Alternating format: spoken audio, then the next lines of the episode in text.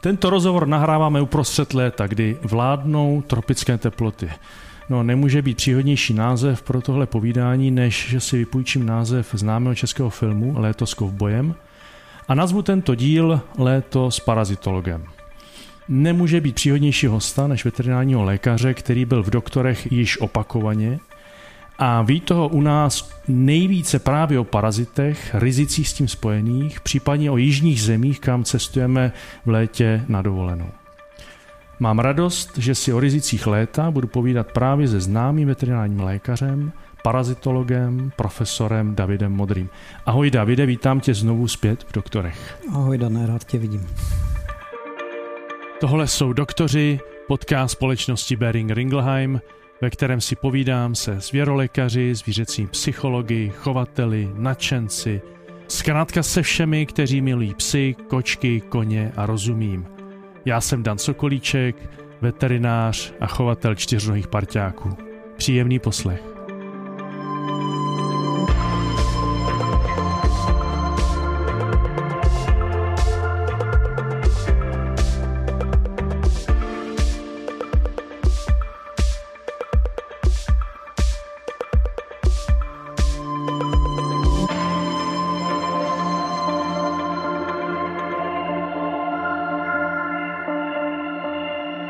Hned navážu na téma tropického leta, protože si se před pár dny vrátil ze sluné Itálie, tak mi prosím řekni, co bylo to za cestu, co jsi tam vlastně podnikal.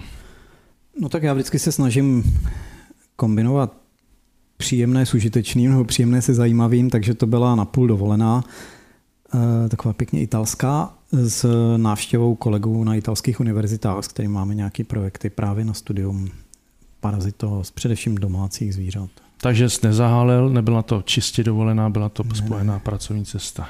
Jak jsem předpokládal. Davide, snad každý v létě o prázdninách někam vyrazí a mnozí se sebou vezmeme psa, výjimečně někdo i kočku. Prosím tě, jsou nějaké rozdíly v rizicích právě během léta, čili tohohle roční období? No, tak já myslím, že určitě, že jo? tak protože cestujeme v létě, protože to je aspoň v našich zeměpisných šířkách to nejteplejší a řekněme nejhezčí období. Současně je to vrchol vegetační sezóny a současně s tím je to samozřejmě vrchol výskytu řady přenašečů různých infekčních onemocnění. Takže určitě rizika jsou větší během léta než v lednu nebo v únoru.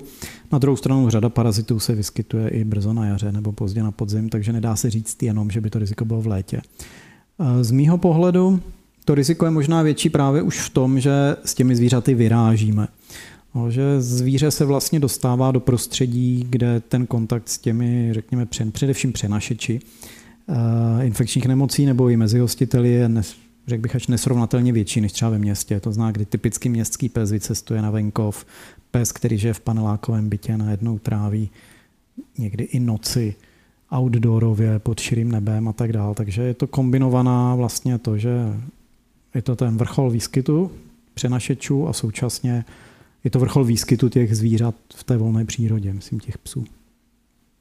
Já nevím, jestli existují nějaké mapy regionální, kde se dá třeba zjistit ta míra rizika, kam plánuji cestovat. Každopádně, eh, když teda vím, že jedu do nížin někde k vodě, k řece, je zde, můžu očekávat větší riziko a měl bych si eh, třeba více hledět té prevence u svého psa, případně chránit i sebe versus třeba, když pojedu do někde vyšší nadmorské výšky na hory?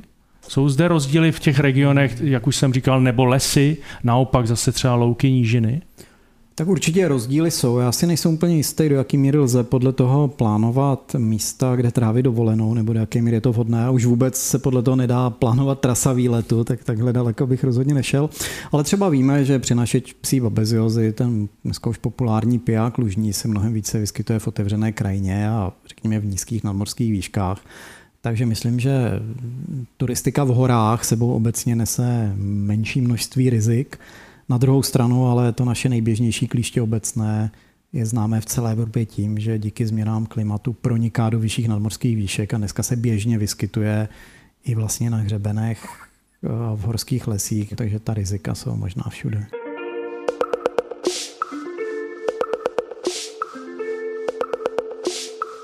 Kde mě by zajímalo teď v souvislosti s létem a sám, když se na sebe podívám, tak jsem poštípaný od komáru. Je v rámci léta regionální rozdíl u komára, tak jak popisoval třeba rozdíly, i když se už smazávají ty rozdíly u klíštěte výskytu eh, dle nadmorské výšky. Jak je to u komárů vlastně, kteří jsou nebezpeční eh, přenosem celé Určitě. rady? U komáru je to trochu složité v tom, že na rozdíl od klíšťat, kde u nás v České republice žije několik málo druhů, abych řekl, ty významné druhy jsou v podstatě dva tak komá, ta fauna komáru je mnohem pestřejší, jsou to, řekněme, desítky druhů, které jsou běžné.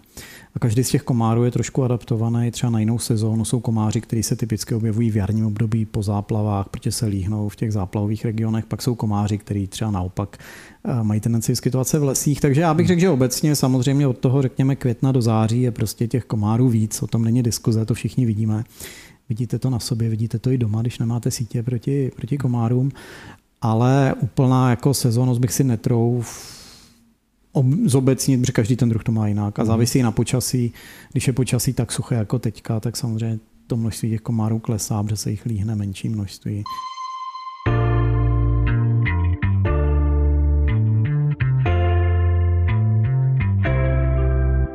Ty jsi teď pobýval tedy v Itálii, jsme se bavili. Řekni nám prosím, jaká rizika obzvlášť v létě nás mohou potkat, když pojedeme od nás na jich? A když tak vynech, prosím tě, tu tyrofilárii, eh, o které si chceme povídat až samostatně na závěr tohoto povídání. Tak já bych na začátek možná opravil, že důležité při tom cestování do zahraničí je, kam možná ne ne tolik jako, nebo je důležitější než jestli na jich nebo jinam, protože ta nákazová situace, co se týká zejména vektory přenášených infekcí, což je to, o čem se hlavně bavíme, se prostě liší v různých regionech kolem České republiky a překvapivé může být, že třeba riziko psí babeziozy je nakonec vyšší při cestě na sever, to znamená do Polska, než při cestě na jih, to znamená do Rakouska. Takže já bych byl opatrný s těma směrama. Takže já si myslím, že vždycky je potřeba zvážit skutečně, kam ten člověk cestuje a vždycky se smířit s tím, že vždycky je ta situace jiná než u nás a troufnu si tvrdit, že nikde není lepší než u nás. Takže je buď stejná nebo horší. Takže jako je dost dobrých důvodů pro to mm-hmm. ta zvířata mít ošetřená správným mm-hmm. způsobem. Eh, tak se teď vrátíme zpátky k nám domů. Eh, máš nějaké aktuální novinky, zprávy s ohledem na výskyt, nebo třeba průzkum, nebo průzkum, který se chystá ohledně parazitů a nemocí tady eh, přenášených parazity? No tak eh, mě, nebo řekněme i ten náš tým v České republice zajímají především dvě věci. Ta jedna je skutečně sezónní a vázaná na ty, řekněme, sezónní přenašeče, to je telazioza, takzvaný ten populární oční červ, který se v posledních několika letech objevil v České republice, šíří se a bude se šířit dál. A my se nějak věnujeme sledování, nebo já spíš takové moje hobby, sledování přenašeče, což je drobná moucha rodu Fortika. A nevím, jestli je to tím, že už jsem se ji naučil poznávat a chytat, anebo že ji skutečně přibývá, ale třeba letos poprvé je mám i na zahradě u nás doma a to ve velké množství. Je to spíš o tom, že žije všude a že když si naučíme poznávat, tak uh, ji prostě najdeme. Hmm. Je to drobná muška, takže není úplně jednoduchý ji odhalit. Ale ten výskyt psí telaziozy na ní závisí a pokud ta situace se bude vyvíjet tak, jako ve všech ostatních zemích kolem nás, kde se telazioza dostala, tak se dá očekávat, že v horizontu 3 až 5 let budeme mít významně větší množství případů u psů, než máme dnes. Hmm. Takže to je jedna věc. A druhá věc, která mě zajímá, a je to spíš proto, že o tom v České republice moc nevíme, je otázka blech, tak o blechách víme, ale otázka bartonelózy, což je infekční onemocnění především, řekněme, blech z koček, ale i ze psů, přenosné na člověka, takže Vlastně jsme odstartovali několika letý program sledování výskytu blech a právě tohle patogenu v blechách a krvi psů a koček, aby jsme odhalili, jaká jsou rizika jak pro ta zvířata sama, tak pro jejich majitele hmm. nebo lidé v okolí těch zvířat.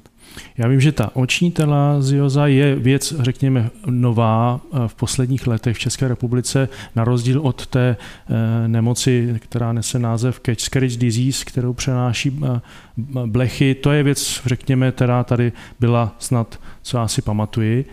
Vždycky o ní odborníci mluví. Ten průzkum, který začíná a budete se věnovat tomuto nemocnění přenášení blechou, to je z důvodu, že roste nějaká incidence nebo děčtí nebo humánní lékaři najednou pozorují něco, kvůli čemu bychom mohli říct, že přestože to tady je s námi dlouhodobě, že roste nárůst tohoto nemocnění? Já si myslím, že se, řekněme, přibývá těch případů detekce u lidí, což je dáno právě tím, že se zvyšuje povědomí mezi těmi, řekněme, v té humánní infektologické sféře. Takže v okamžiku, kdy bartonelozu začneme hledat, tak ji samozřejmě najdeme, jsou to významní, paraziti, významní patogeni. A ale nás tomu trošku inspirovalo to, že ve srovnání třeba se zeměmi na západ od nás je z České republiky opravdu hrozně málo dat. Mm. Jo, takže na těch publikovaných mapách se Česká republika tváří tak trochu jako Balkán, že v podstatě nevíme. Mm-hmm. Takže my víme, že cat scratch disease je, my víme, že to přenáší blechy, víme, že se vyskytuje v České republice, ale kolik koček, kolik psů, případně kolik lidí přichází do kontaktu s tou bartonelou a dokonce s kterými druhy těch bartonel, to vlastně netušíme. Mm-hmm.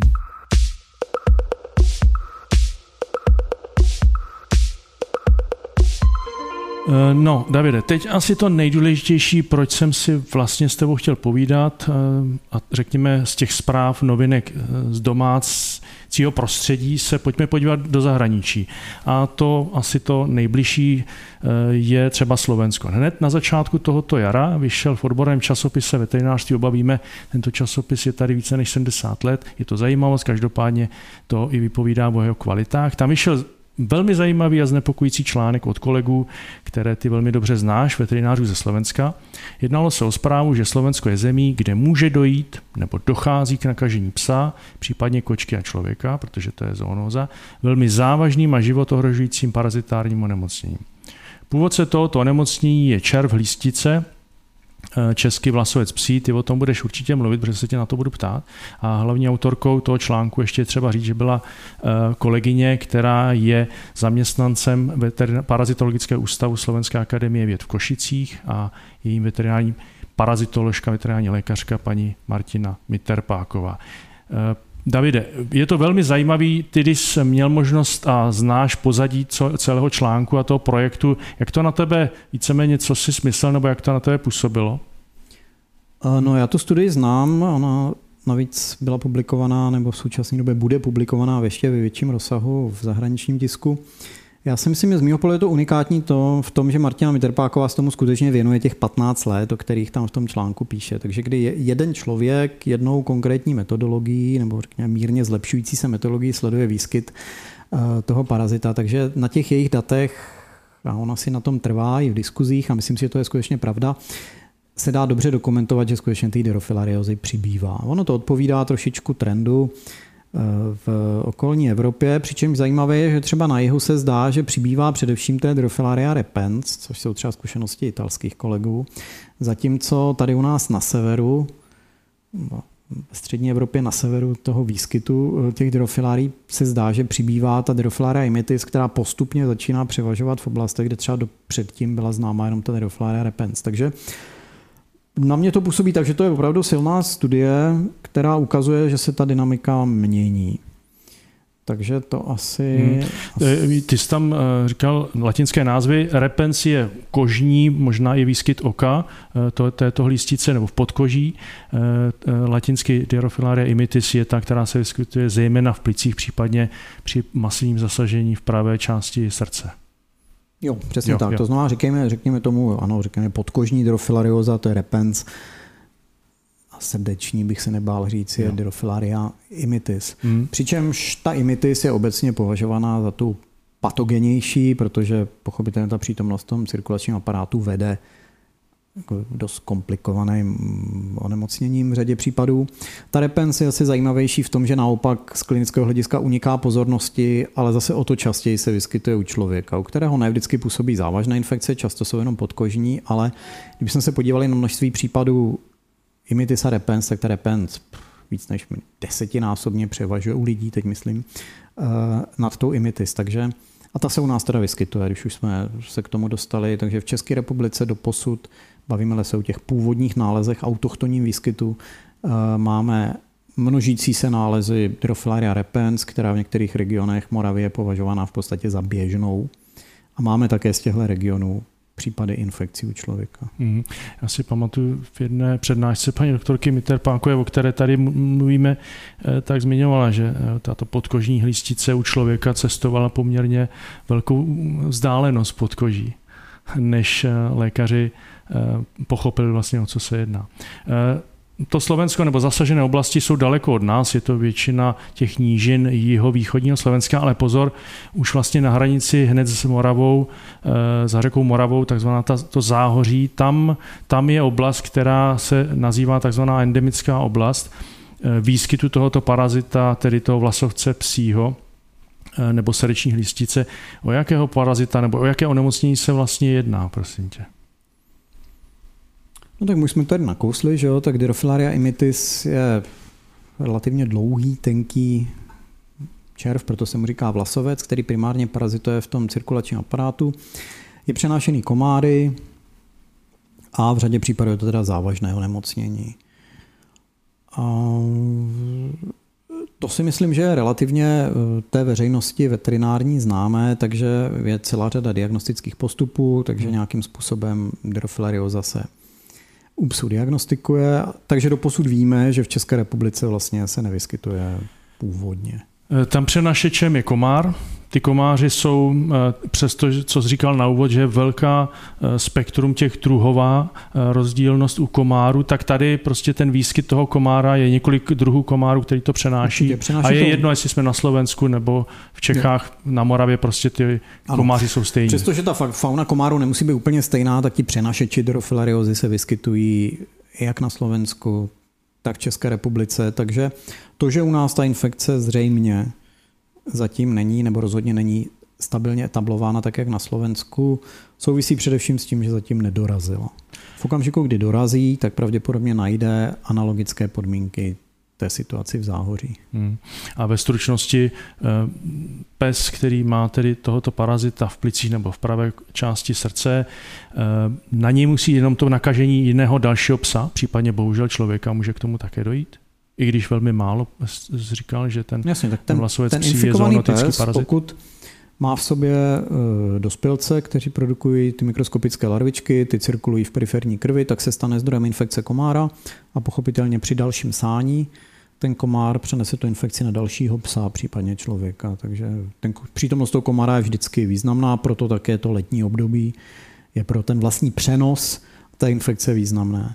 Je ale tady rovnou hned tady si můžeme říct, že co je důležité nezapomínat, že rozvoj té infekce v tom psovi trvá řadu měsíců, takže přestože letní období je významné pro výskyt toho vektora, toho komára a přenos, tak klinické příznaky se nám objeví většinou až v tom dalším roce, takže nedá se čekat, že by pes vyjel do záhoří a vrátil se, může se vrátit infikovaný, ale určitě se nevrátí nemocný dyrofilariózou. Takže a dovedu si představit situace, že lidé v podstatě skoro až zapomenou, že ten pes vůbec v uplynulém let, před rokem nebo před dvěmi lety na Slovensku byl v době, kdy vlastně se teprve začnou rozvíjet ty klinické příznaky. To je zajímavé, týká se to i psů z útulku nebo u psů, kteří mění majitele. Jo, v poslední době je velké množství psů, je to problém celé Evropy, nejenom České republiky, je to možná víc západní Evropa, ale Česká republika také. Vozí se psy z útulku na Ukrajině, vozí se psy z útulku v, Maďarsku, v, pardon, v Rumunsku, hmm. v Bulharsku. A to všechno jsou endemické nebo hyperendemické regiony. Ti psy se sem dostávají v podstatě bez kontroly, aniž by někdo zásadně studoval, jestli mají nebo nemají derofilariózu. A řada z nich ale potom může změnit majitele nebo ty psy končí v útulcích, aniž by se vlastně nějakým způsobem tušilo nebo nějak zdůrazňoval ten jejich původ.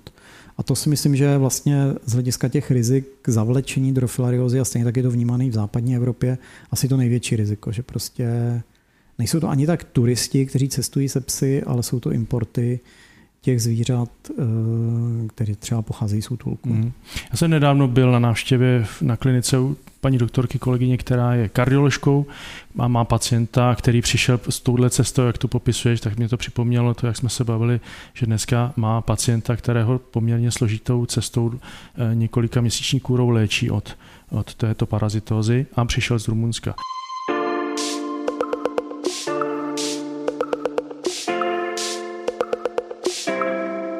Představme si, že jsem byl v té oblasti se svým psem. Jaké doporučení nebo jaká rada? Mám a teď dejme tomu, ta prevence, my jako veterináři víme, že ta prevence je snadná, že se tomu nakažení dá velmi dobře účinnými prostředky bránit, veterináři to dobře znají. Každopádně, já jsem třeba něco zanedbal, stalo se, byl jsem v té oblasti. Je něco, nějaký doporučení z tvého pohledu, co bych měl udělat, jít k veterináři a co mě potom může vlastně pro to uklidnění, že můj pes se nenakazil, udělat? Určitě, samozřejmě jako Pochopitelně jiná je situace, pokud se u toho zvířete vyskytnou nějaké klinické potíže, tak pak je logické, že eh, toho veterináře ten majitel vyhledá hned. A pak většinou ty potíže stejně nejsou působený, eh, nebo rozhodně nejsou působený nerofilariozou, tam by to přicházelo v spíš babezioza, že? protože to je akutní onemocnění, to znamená, ten pes se může nakazit v Maďarsku, na Slovensku, na Balkáně, vrátí se a v následujícím týdnu nebo dvou dojde k rozvoji toho onemocnění. V případě té to komplikované tím, že v podstatě ten parazit dospívá několik měsíců a ty klinické příznaky se mohou vyskytnout dokonce až po několika letech. Jo. Takže eh, pokud je zanedbaná ta prevence a pes je klinicky zdravý, tak já osobně bych doporučoval klidně to vyšetření až v následujícím jaře třeba, jo, jako kde už teda by měly být přítomné mikrofilárie nebo v tom létě dalšího roku nebo cirkulující antigen, který se dá detekovat těmi rychlotesty, které většina lékařů má k dispozici a veterinárních lékařů a používá je. Takže chybou by bylo se domnívat, že přijedu z Itálie a za dva týdny po návratu, když teda eh, vyperu prádlo a vysypu písek z tenisek, že půjdu se psem k veterináři a ten mi zaručí, že můj pes se nenakazil, tak nic takového ten veterinář neumí zajistit. Mm, jako, to mm. znamená, v těch prvních řadě hmm. týdnů rozhodně ne. Eh, častě, časnější než výskyt těch mikrofilárií a dospělých samic by byl výskyt protilátek který zase ale neříká, jestli ten bez je nebo není nakažený. Hmm. Jo. To znamená, tam by přicházela v nějaká serologie a teprve v tom dalším roce se zaměřit na to, jestli tam jsou nebo nejsou dospělci. Když to celé zhrnu jednodušeně, ty možnosti tady jsou, není to něco velmi složitého si, eh, řekněme, eh, prokázat, zda k tomu došlo nebo ne. Důležitá věc, velmi snadná v současnosti je ta prevence. My v biologii nepracujeme ze 100%, přesto když budu v oblasti se psem, který je ochráněn dostatečně před nakažením, od komára, tak ale máme možnost ve spolupráci s veterinářem si eh, řekněme, ještě ve chvíli, kdy není na psovi jasný klinický příznak, eh, uklidnit, pro, eh, prokázat, že se psem není potřeba podstoupit velmi složitou léčbu. No, to určitě ne. A hmm. Myslím si, že důležité je tu diagnostiku mít skutečně potvrzenou předtím, než se do těch agresivních terapií pustím. No, to znamená hmm. opakovat, i když je pozitivní výsledek toho vyšetření, tak se skutečně ujistit, že všechno jak má být a že to je skutečně Drofilaria imitis, protože v takových případech pak zase i ta terapie pro toho psa může být ohrožující a není vůbec snadná. Abych tady možná ještě, tak si mluvil nějak, zaznělo, Eh, ta profilaxe je důležitá samozřejmě z hlediska ochrany zdraví toho konkrétního psa, který cestuje s tím majitelem, ale současně, a to je úplně bez diskuze, je důležitá proto, aby jsme co nejdál oddálili to období, kdy se Dirofilaria imitis u nás v těch jižních, nebo řekněme nížených oblastech rozšíří. Ono k tomu zřejmě dojde. Zkušenosti ze Slovenska, z Ukrajiny a tak dále ukazují, že prostě ten parazit má ten potenciál kolonizovat ty teplé oblasti střední Evropy. Ale ona sem nepřijde sama od sebe a nepřinesou jí komáři. To by bylo jako chyba se domnívat, že přiletí nakažený komár ze záhoří a tady kousne psa a vznikne ohnisko.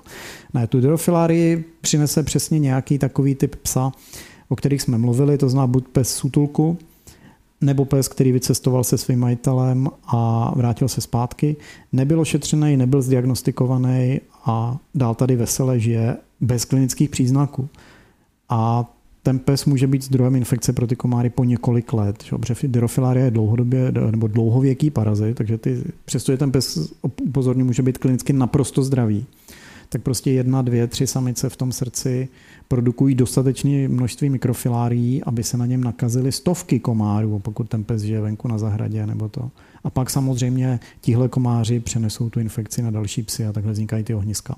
A je to jeden i z důvodů asi toho, jak a proč se ta infekce přibývá i na tom Slovensku. Ono to nebude asi nic dramatického souvisejícího s nějakými změnami klimatu. Já si myslím, že pořád všechny tyhle infekce souvisí především se změnami životního stylu.